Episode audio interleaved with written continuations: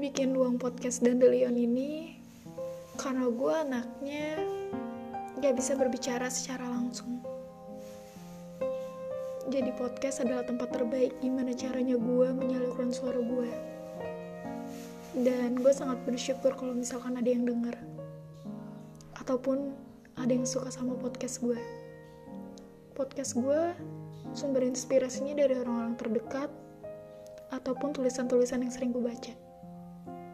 Itu aja sih. Makasih ya. Semoga betah di Dandelin Podcast.